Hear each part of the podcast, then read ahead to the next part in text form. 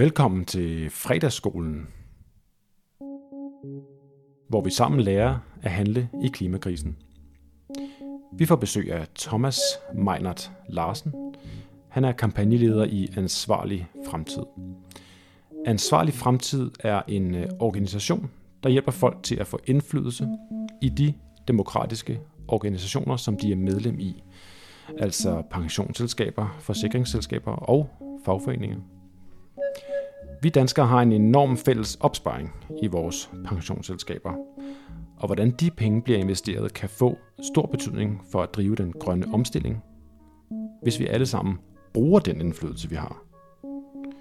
Vi har til sammen en stor magt, og Thomas er her for at fortælle os, hvordan vi kan være med til at udøve den.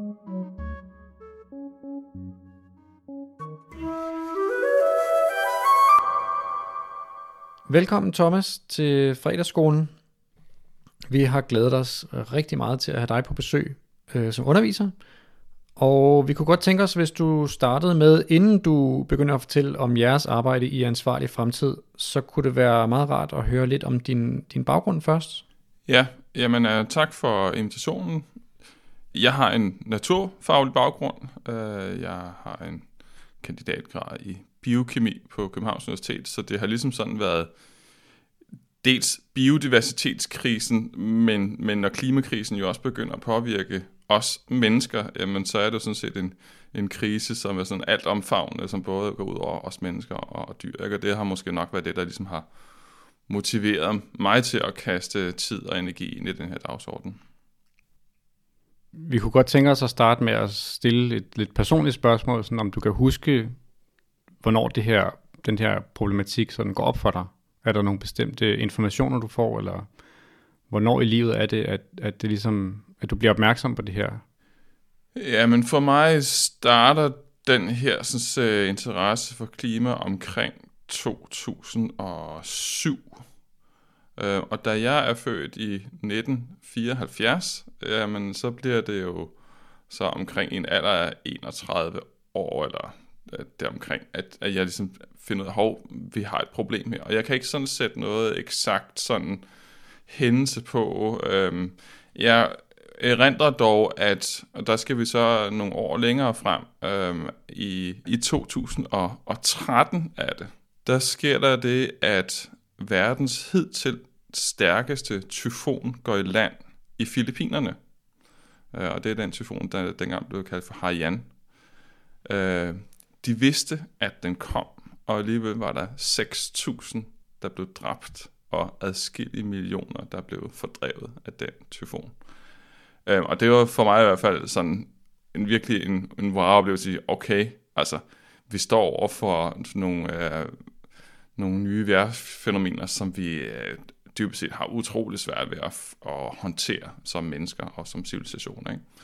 Øh, og det er klart, lidt senere hen, så var det nok også sådan tørken i Danmark i 2018, og de her sådan, svenske skovbrænde, som jo nærmest virkede øh, som om, at de ikke var til at stoppe. Det tror jeg virkelig øh, også var med til at brede den her fornemmelse i befolkningen ud, at, at vi har faktisk et problem, som, som vi skal til at gøre noget ved, ellers så, så står vi virkelig med nogle seriøse udfordringer i fremtiden. Øh, en del af vores mission i fredagsskolen er jo at sende folk ud i handling. Det er det, det vi gerne vil. Vi vil gerne gøre handling tilgængelig. Vi vil gerne høre dine allerbedste argumenter for, hvorfor det her arbejde er vigtigt. Jamen, øh, det er klart, at vi vil jo gerne have, at vores pensionsopsparing, eller for den sags skyld, andre opsparede midler, er med til at fremme øh, den grønne omstilling i stedet for at modarbejde den, hvad, hvad mange penge desværre i dag gør. Altså så hovedformålet det er at få de her penge til at arbejde for noget, som vi gerne vil have i fremtiden. Og det er jo den måde, penge eller investeringer fungerer. Og det, de ikke skal gå til, det er jo at understøtte virksomheder, som både har en forretningsmodel, som er afhængig af at udvinde og sælge kul, olie og gas, men hvor selskabet samtidig bruger en masse ressourcer på at lobby imod den grønne omstilling. Altså, verdens regeringer har indgået Paris-aftalen. De har forpligtet sig til, at pengestrømmene skal gå mod de grønne investeringer. Og hvis det så er sådan, at der er politiske kræfter eller virksomhederne, der samarbejder med politiske kræfter til at modarbejde den grønne omstilling, så kommer vi jo aldrig nogensinde i mål, hvis det er sådan, at man bare giver de her selskaber carte blanche til ligesom at blokere den grønne omstilling. Et andet aspekt er jo, at man allerede i dag ved, at cirka to tredjedel af de fossile reserver, der er i undergrunden, som verdens fossile selskaber har fået retten til at udvinde, men som ikke, de ikke nødvendigvis er begyndt at udvinde, dem kan vi ikke hive op og brænde af, hvis vi skal indfri Paris-aftalens målsætninger. Og det betyder, at der er en ret stor risiko for, at den værdisætning, som de her fossile selskaber har, at den ikke kommer til at holde i takt med, at det går op med, for verdens regeringer og for verden, at vi kan ikke tillade os at hive det op, som vi allerede ved ligger dernede, og som nogle virksomheder til dels er værdisat på. Så der er en risiko for, at man faktisk taber penge ved at investere i de her fossile selskaber. Og den risiko stiger selvfølgelig i takt med, at vi ser, at de grønne teknologier bliver billigere. Vi ser, at politikerne laver en ny, ny øh, vidtgående regulering, der gør, at vi sådan set ikke kommer til at bruge de fossile brændsler. Så sent som i går besluttede i Europaparlamentet, at man ikke måtte sælge fossilbiler i Europa fra 2035. Og det er klart, det, det gør jo selvfølgelig, at det jo øh, at aftaget eller afsætningen af, af benzin og diesel til biler jo selvfølgelig vil falde. Ikke fra i morgen, men i hvert fald noget tid ud i fremtiden. Og det betyder, at man skal ikke lave investeringer for at hive mere olie op til at, at sælge til at, at putte i europæiske biler. Øhm, og så synes vi også, at det er vigtigt, at vi som personer, kollektiver, markerer meget tydeligt ved at sige fra fra investeringer i skrupelløse fossile selskaber, det, at det også bliver et signal til politikerne. Kom nu med den regulering, der sikrer, at vi får en høj pris på forurening med CO2, fordi det vil være utrolig vigtigt til at drive, at pengene går i den grønnere retning, således at det bliver mere attraktivt at investere i de grønne løsninger, i stedet for at investere i, i sort fossil energi, som kun kan drives rundt, fordi at man får lov til at forurene gratis. Så det skal vi også have, have ændret. Du arbejder jo nu med, med det her ret direkte, øh, med sådan samfundsstruktur omkring, hvordan vi, hvad vi investerer i. Hvordan, hvordan har vejen til at komme derhen været for dig?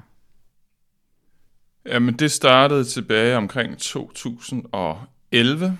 Der var det sådan, at man i USA primært initierede det initiativ, der hedder Go Fossil Free, altså en kampagne på de amerikanske universiteter, som gik ud på, at de unge studerende derovre ville gerne have, at nu skulle øh, universiteterne altså holde op med at investere i kul, olie og gasselskaber. Og øh, det var så en kampagne, som dybest set har spredt sig til hele verden over tid. Og øh, da vi nåede omkring sådan 2013, øh, så var der en håndfuld mennesker i Danmark, der sagde, sådan noget skal vi da også gøre i Danmark. Det er ikke bare øh, de penge, der er investeret i de amerikanske campuses, så skal flyttes væk fra fossil energi. Øh, det skal jo også ske herhjemme. Og så begyndte vi ligesom at kigge efter, jamen, øh, hvor er pengene henne i Danmark? Øh, og man skal ikke lede særlig længe, før man finder ud af, jamen, øh, der hvor der er flest penge, det er jo i vores kollektive øh, pensionsformue, som i øjeblikket øh, er i størrelsesorden 4.600 milliarder kroner. Så, så det er ret mange penge, vi kollektivt øh, har sparet op øh, som skal sikre vores øh, alderdom, når vi går på pension, men som jo samtidig også øh, påvirker det samfund, som vi lever i. Altså den måde, som de penge er investeret, kommer sådan set til at, at diktere, hvordan vores samfund udvikler sig. Så det er en, øh, vi så, at den her pensionsformue var en vigtig ting at gå efter. Og så skete der det i 2013-14 stykker, at vi så fandt ud af, okay, hvordan øh, påvirker vi så de her sådan, øh, pensionsselskaber? Øh, og der fandt vi så ud af, at man faktisk kunne i nogle af dem kunne man som enkelt medlem faktisk øh, stille op på generalforsamlingen. Man kunne indsende et forslag til behandling på generalforsamlingen. Øh, og på det tidspunkt, så sendte vi så i tre forskellige pensionsselskaber det samme forslag, hvor vi sagde, at øh, pensionsselskabet skal arbejde for at øh, udfase investeringerne i fossil energi, altså kul, olie og gas, inden for en femårig periode, hvis de her sådan, selskaber ikke øh, var på vej til at omstille sig til, til mere bæredygtig energi. Så det var ligesom der, det startede. Øh, tre generalforsamlinger i 2014. Og øh, så er det ligesom sådan taget til over tid, hvor vi nu ikke bare stiller forslag i tre pensionskasser, men faktisk i, Øh, i år var det vist 10 forskellige pensionsselskaber, hvor vi på en eller anden måde var, var aktive omkring det her med at sætte en klimadagsorden øh, til, til drøftelse på, på generalforsamlingen. Øh, og nogle gange har vi jo fået medlemmernes tilslutning øh, til vores forslag, forstår man den måde, at hvis det er gået til afstemning, så har vi vundet afstemningen, øh, og andre gange så har det været sådan, at bestyrelsen har været imod, og har også været i stand til at skal vi sige, motivere, at medlemmerne skulle stemme nej, og så er det så blevet stemt ned, og så har vi måske fremsat det igen året efter, øh, eller måske helt lagt det på hylden. Men vi arbejder stadig på den her dagsorden og forsøger at få, få pensionsselskaberne overbevist om, at de skal putte flere penge over i det grønne og færre i det sorte. Mm. Noget af det, der er rigtig vigtigt her i fredagsskolen, det er, at øh, vores elever kan handle på de informationer, vi øh, giver dem. Vil du ikke give et overblik over, hvordan vores elever kan engagere sig i den fossile afinvestering i pensionskasserne, og hvordan I kan hjælpe folk på vej? Øhm, øh, jeg mener, at vi kan hjælpe rigtig meget på vej. Dels simpelthen øh, blive skarp på, hvad, hvad kan jeg egentlig gøre som person? Altså, og hvordan, hvordan gør jeg det? Øh, som jeg inde på før, så kan man så enten bare deltage på generalforsamlingen.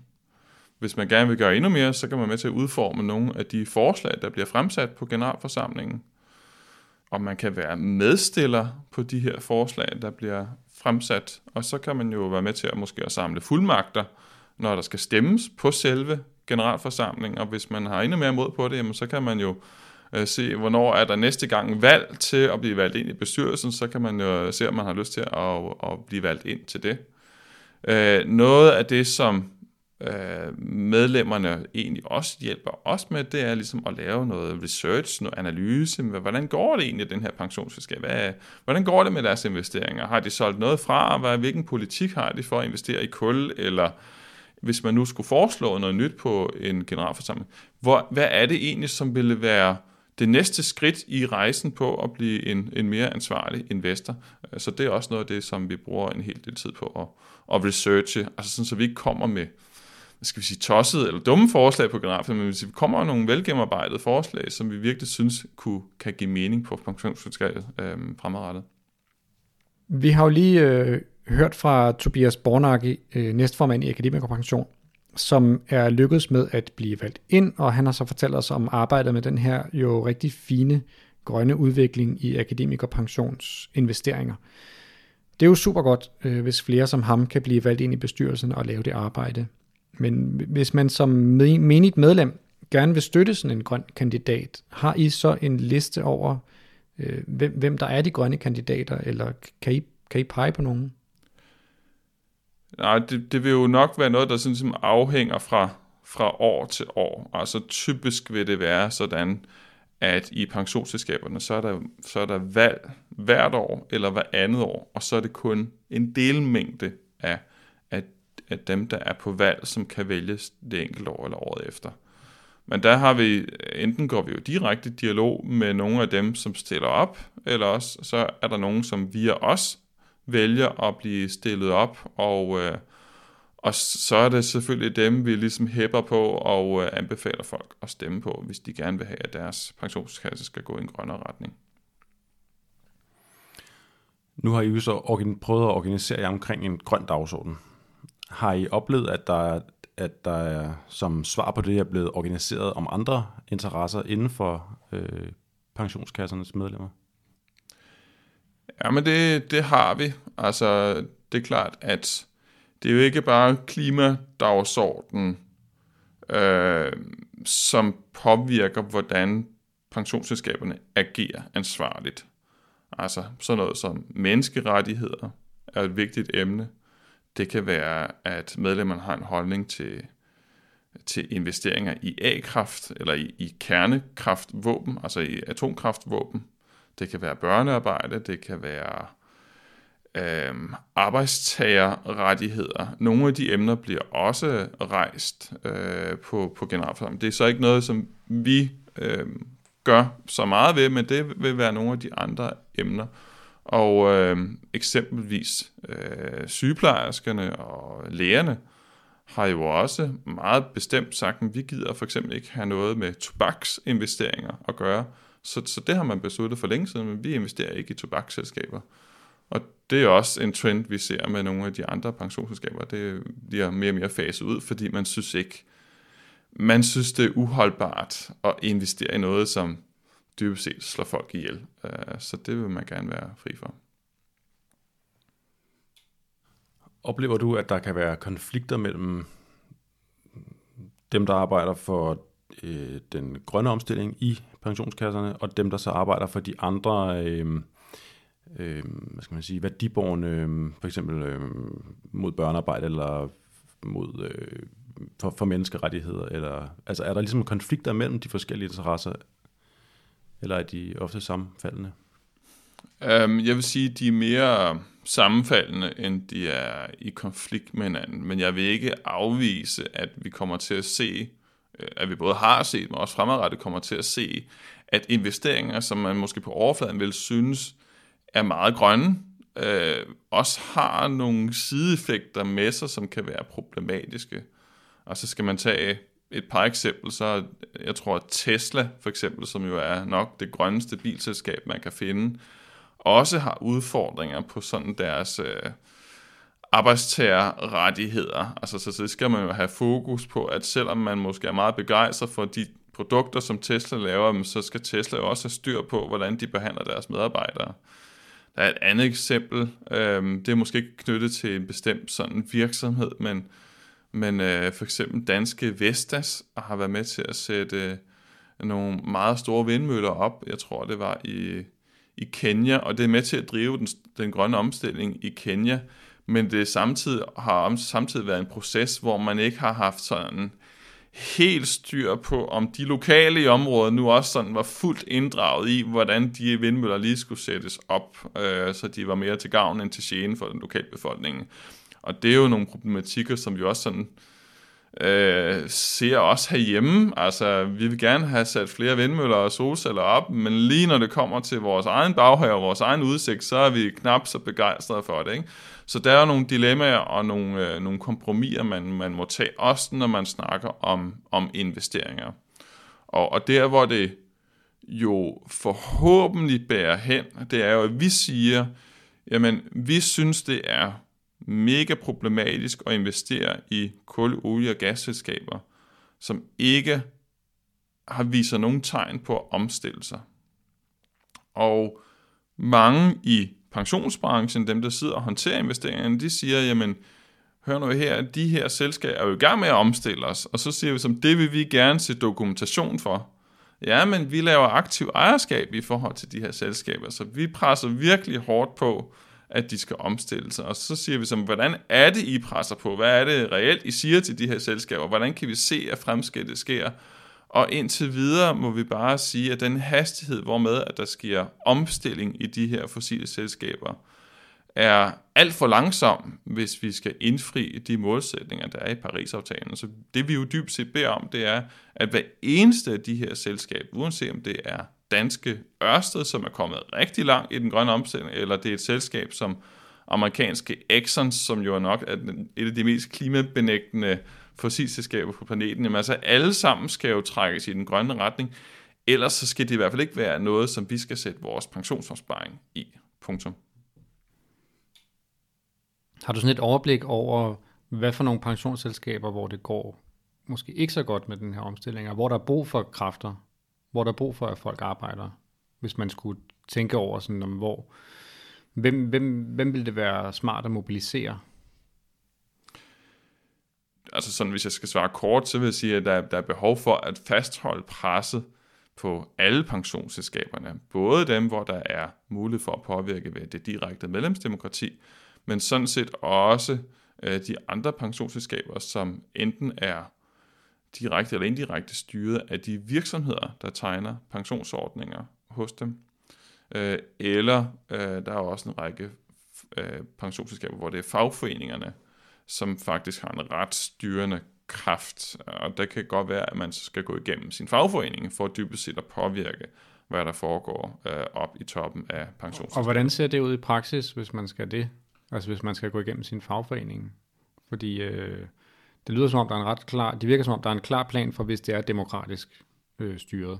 Men hvis det ikke er, og hvis fagforeningen har en stor indflydelse, hvad, hvad gør man så? Øh, det er faktisk der, hvor vi har begrænset erfaring endnu. Altså netop fordi vi har ikke haft nogen øh, direkte kontakt af nogle fagforeningsbosser, som har kontaktet os, som vi vil gerne gøre en grøn forskel. Øh, hvordan øh, klipper vi afsted med det? Men det er selvfølgelig noget, vi prøver at arbejde videre med, og, og som enkeltmedlem kan man jo altid rette henvendelse til sin pensionsselskab, eller for den sags skyld sin fagforening, og, og stille nogle opklarende eller kritiske spørgsmål, som øh, nudger pensionskassen i den retning, at de godt kan se, okay, der er en stigende efterspørgsel fra medlemmerne til at, at øh, investere grønnere eller mindre sort. Så, så det er også noget, vi arbejder med, men ikke så store erfaringer øh, at påvirke dem øh, endnu. Men så der er en, en konkret opgave, hvis man er en medlem af en fagforening, så undersøge, hvad, hvad den fagforeningens rolle er i pensionssystemet, og så muligvis påvirke den, den vej igennem. Jamen, det er der, det er der helt klart, øh, og det vil vi gerne hjælpe med til, hvis man har mod på det. Så det, jeg hørte dig sige, det er, at vi skal have penge til at arbejde i en grøn retning, hvis vi skal skabe den verden, vi gerne vil have. Og samtidig er investeringer i sort infrastruktur faktisk er en rigtig usikker investering, fordi politikerne er ved at indse, at øh, kul, olie og gas skal forblive i undergrunden, hvis øh, vi skal nå Paris-målsætningerne. Det lyder alt sammen som gode argumenter, man kan bruge, når man taler med familie og kolleger om, øh, hvordan vores pension er investeret, og hvordan det kan blive anderledes. Har du også nogle idéer om, hvad det er for modargumenter, man kan møde over frokostbordet? Hvad er det for nogle bekymringer, folk har? Jeg tror, den største sådan usikkerhed, det er jo, koster det noget? Kommer vi til at tage penge på det? Og øh, hvis man så kigger sådan i et, et øh, er 10-årigt perspektiv, historisk perspektiv, hvis man kigger på, hvad, hvad ville det have betydet for afkastet, hvis man for 10 år siden havde valgt at gå ud af de fossile investeringer, i forhold til, hvad vil afkastet være, hvis man havde fortsat øh, de fossile investeringer. Øh, og det, i udgangspunktet betyder det ikke særlig meget for afkastet, øh, hvis man kigger over det i en lang horisont. Der kan godt være perioder, og lige præcis det sidste års tid her, er den periode, hvor at de fossile investeringer har givet et i gennemsnit lidt højere afkast end de andre investeringer. Men hvis man så tager nogle år længere tilbage, så var det det omvendte, og kigger man over en længere tidshorisont, øhm, så er det nogenlunde det samme afkast, man får, og kigger vi ud i fremtiden, ja, så er det min vurdering, at det gode afkast ligger i de grønne investeringer. Øh, og hvis det ikke gør det, jamen så er det så også et udtryk for, at vi er i gang med at brænde kloden af. Altså så, så jeg vil hellere investere grønt i forvisning om, at så er jeg med til at bringe kloden et, et, et sted hen, hvor vi også kan bo på den om, om 10, 20 og 30 år end at gamble med, at jeg kan investere i fossile selskaber, hvor jeg kan få måske et fornuftigt afkast lige på den korte bane, lige nu i hvert fald, øh, med den risiko, at øh, planeten går, går under, agtigt sat lidt på spidsen, øh, så vil jeg gerne satse på, på det sikre, som jeg mener er, er, er den grønne retning. Tror du, der er en risiko for, at planeten går under? Jeg tror også som sådan ikke, at planeten går under. Og det tror jeg heller ikke, at der er nogen forskere, der ligesom siger. Men øh, jeg er død nervøs for, at nogle af de konflikter, vi ser rundt omkring i verden, som i hvert fald til dels allerede i dag er, afstedkommet stedkommet af fødevareusikkerhed, af ekstreme vejrfænomener, at det er bare begyndelsen. Og at, øh, at det er ret forfærdeligt, hvis det kommer til at udvikle sig. Det kommer det til at gøre, og derfor så bliver vi nødt til at gøre alt, hvad vi kan for ligesom at, omstille os så hurtigt som muligt væk fra de fossile brændsler og over i, i vedvarende energi. Det er, det er vejen frem. Tak til Thomas Meinert Larsen, kampagneleder i Ansvarlig Fremtid. Lad os bruge et par minutter på at øh, opsummere det, som Thomas bidrager med i sin undervisning i faget. Fossilfri investering. Det vi har lært af Thomas i dag, det er, at de 4.600 milliarder kroner, som ligger i vores allesammens fælles pensionsopsparing, de penge skal ikke bare arbejde for den grønne omstilling. De penge skal også arbejde for at afmontere den fossile industris infrastruktur. Det vores penge ikke skal gøre, er at arbejde for vedligeholdelsen af status quo. Hvilket de jo faktisk gør, når de er investeret i skrupelløse fossile selskaber, som i overvis aktivt har lobbyeret for at modarbejde den grønne omstilling. Fordi deres forretningsmodel er afhængig af, at de fortsat kan sælge fossile brændsler. På trods af, at afbrændingen af disse energikilder medfører uoverskueligt omfangsrige ødelæggelser. Vi lærer også af Thomas, at ved at vi bremser den skadelige lobbyvirksomhed, som fossile selskaber udøver i politiske systemer i verden i dag, så påvirker vi de politiske muligheder for at øge den grønne omstilling. Samtidig ændrer vi investeringsklimaet og værdisætningen af de fossile virksomheder. Vi er med til at skabe en bevægelse i værdisætningen på markedet, og dette fremmer grønne investeringer. Og så er vi med til at sende et signal til politikerne om, at der er vilje i befolkningen til at ændre reguleringen. Men hvordan gør man så? Hvis du tænker, at det her, det er noget for dig, altså sammen med os og Thomas og alle dine venner, som du kan tage i hånden og sige til, kom med, det her, det er meget vigtigt. Vi skal tage ansvar. Vi skal aktivt være med til den her bevægelse, for at vores allesammens fælles opsparing bliver investeret fossilfrit. Så har vi med hjælp fra Thomas formuleret en hjemmeopgave, som ligger klar allerede nu på vores hjemmeside og i vores podcast feed.